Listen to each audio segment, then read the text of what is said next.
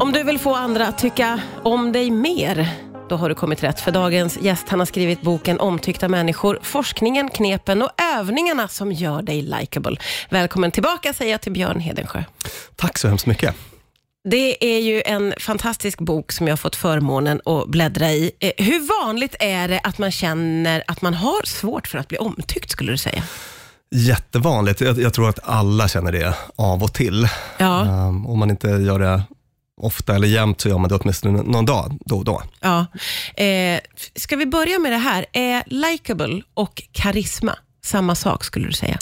Nej, jag skiljer på de eh, två grejerna i boken. Karisma handlar mer om att bli beundrad eller slå igenom bruset om man tänker sig någon så här skicklig liksom predikant eller tv-personlighet och så. Medan likable, det kan vara lite vem som helst. Det kan vara personen som sitter längst bak i klassrummet och är en lite tyst typ och sådär. Så det kan vara vem som helst som man bara önskar allt gott och vill hjälpa och så. Och vilka fördelar finns det med att vara likable?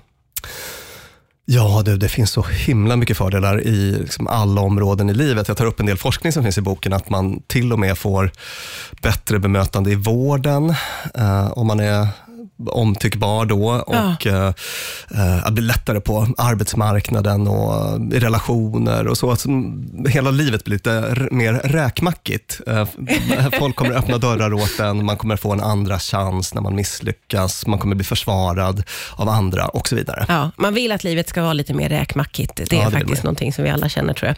Du har ju delat in boken i tre delar. Värme, fokus på andra och tillit. Varför dessa tre? Eh, Det, det är tre liksom, huvudkomponenter i att bli riktigt omtyckt. Och, eh, ofta kan det vara så att man är bra på en eller två av de här delarna, men att man behöver jobba lite mer på, på den tredje. Då. Men man, om, om man ska bli riktigt likable, omtyckt, så behöver man nog jobba på liksom, alla tre. Sådär. Ja, just det. Mm. Eh, och eh, kapitel ett är för mig mindblowing. Bete dig som att folk redan tyckte om dig. Mm. Berätta om det. Ja, det är en sån här liten tankeregel man kan ta till. För att Säg att man går in första dagen på ett nytt jobb eh, och så tänker man, mm, undrar vad kollegorna kommer, de kommer säkert inte, säkert inte tycka att jag är så imponerande eller märkvärdig och så. Då går man in och gör sig liten eh, och beter sig på massa andra sätt än man skulle göra om man tänkte att folk där kommer säkert att gilla mig. Ja. Eh, För då skulle man gå in och hälsa glatt och, och le och ägna sig åt massa positiva beteenden.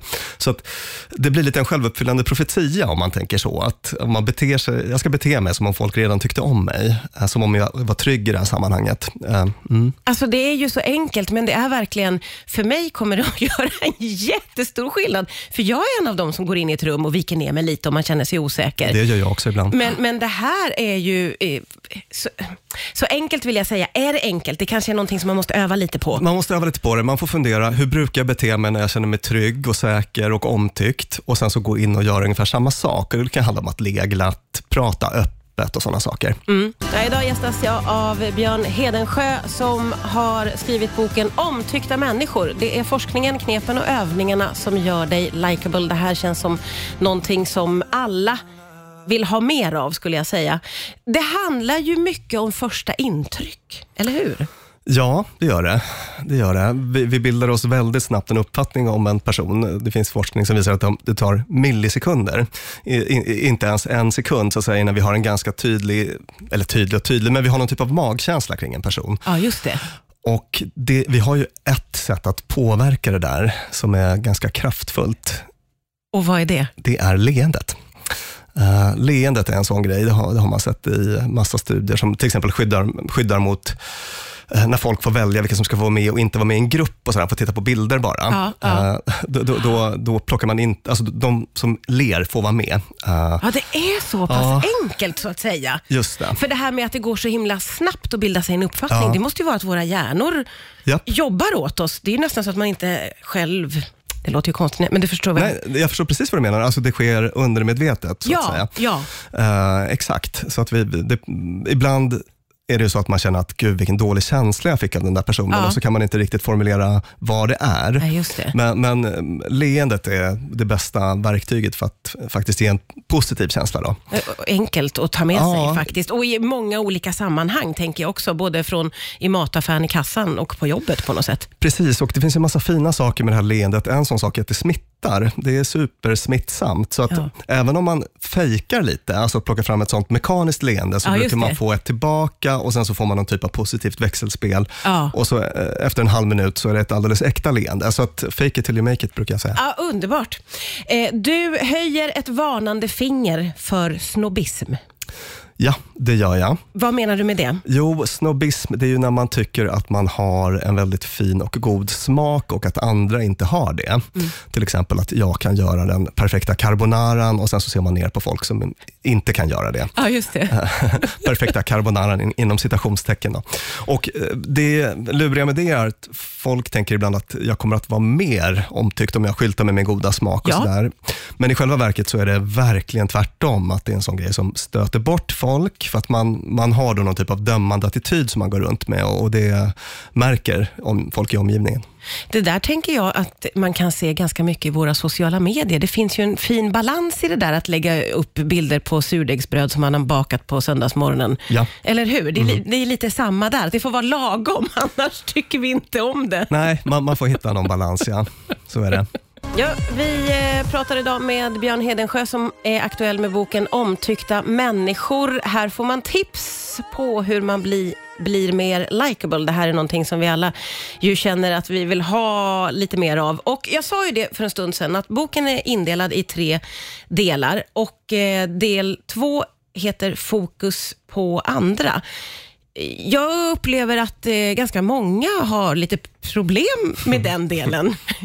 är det bara en känsla jag har? Nej, det är en sån här sak som man ganska ofta hör också. Vittnesmål från någon bröllopsmiddag kanske. Det är någon som har suttit bredvid någon i två timmar och ställt 700 frågor och inte fått en enda fråga tillbaka. Ja. Eh, Den personen brukar man inte vara så förtjust i då. Nej, och det reagerar man ju också på Ja. Mm. när man är med om det. Eh, Men, men vad, vad ska, hur ska en sån person öva sig? Jag, jag kan peppa den personen med att det finns en otrolig sån likability-effekt i det här enkla, enkla knepet att ställa lite följdfrågor. Ja. Man ställer en fråga om något, får ett svar och då ställer man någon fråga till. Sådär. För, eh, vad har du gjort i helgen? Jag har varit i sommarstugan. Jaha, var ligger den någonstans? Alltså den enkla grejen, för att då så får eh, den här personen som får den frågan kommer känna sig sedd. Alltså, jag har den här personens uppmärksamhet och det jag sa var tillräckligt intressant för att den personen skulle ställa en fråga till. Alltså man, man känner sig sedd, bekräftad. Ja. Väldigt enkelt. Ja. Eh, Så lyssna på andra är också viktigt i det här, att, att själv bli likable. Det är jätteviktigt. Det är verkligen en av fundamenten, att vara en bra lyssnare. Du, eh, du skriver ju också om att man ska passa sig eh, för att bli eh, för positiv. Eh, du skriver om toxisk positivitet. Vad är det för någonting? Ja, i grund och botten så är det ju bra då att, att visa mycket positiva känslor, men det finns det här toxisk positivitet som du nämnde och det är när man inte erkänner eh, svåra känslor eller problem. Liksom allt ska vara positivt eh, hela tiden. Och Det som kan ställa till det, särskilt med likability i det sammanhanget, det är, sä- säg att en kompis kommer till dig och har, något, har blivit dumpad eller har någon annan, någon annan typ av bekymmer och du är sådär, nej men det är väl ingenting, ryck upp dig nu. Alltså om man är positiv i det sammanhanget så kommer den personen känna sig otroligt osedd och obekräftad. Ja. Så där också, känna av sammanhanget, lyssna och ge liksom rätt respons. Ja, blir viktigt för att du ska bli eh, omtyckt så att säga. Eh, och så skriver du om konsten att småprata. Varför är det viktigt i det här sammanhanget? Jo, småpratet är ju ofta, det är så vi ofta liksom inleder relationer. Man, man står och snackar med grannen vid brevlådan eller i någon kö eller vad det kan handla om. Och där har vi lite onödigt höga trösklar ibland, för att vi tänker att folk kommer att bli besvärade om vi tar kontakt och småpratar om Ja. vädret eller vad det kan handla om.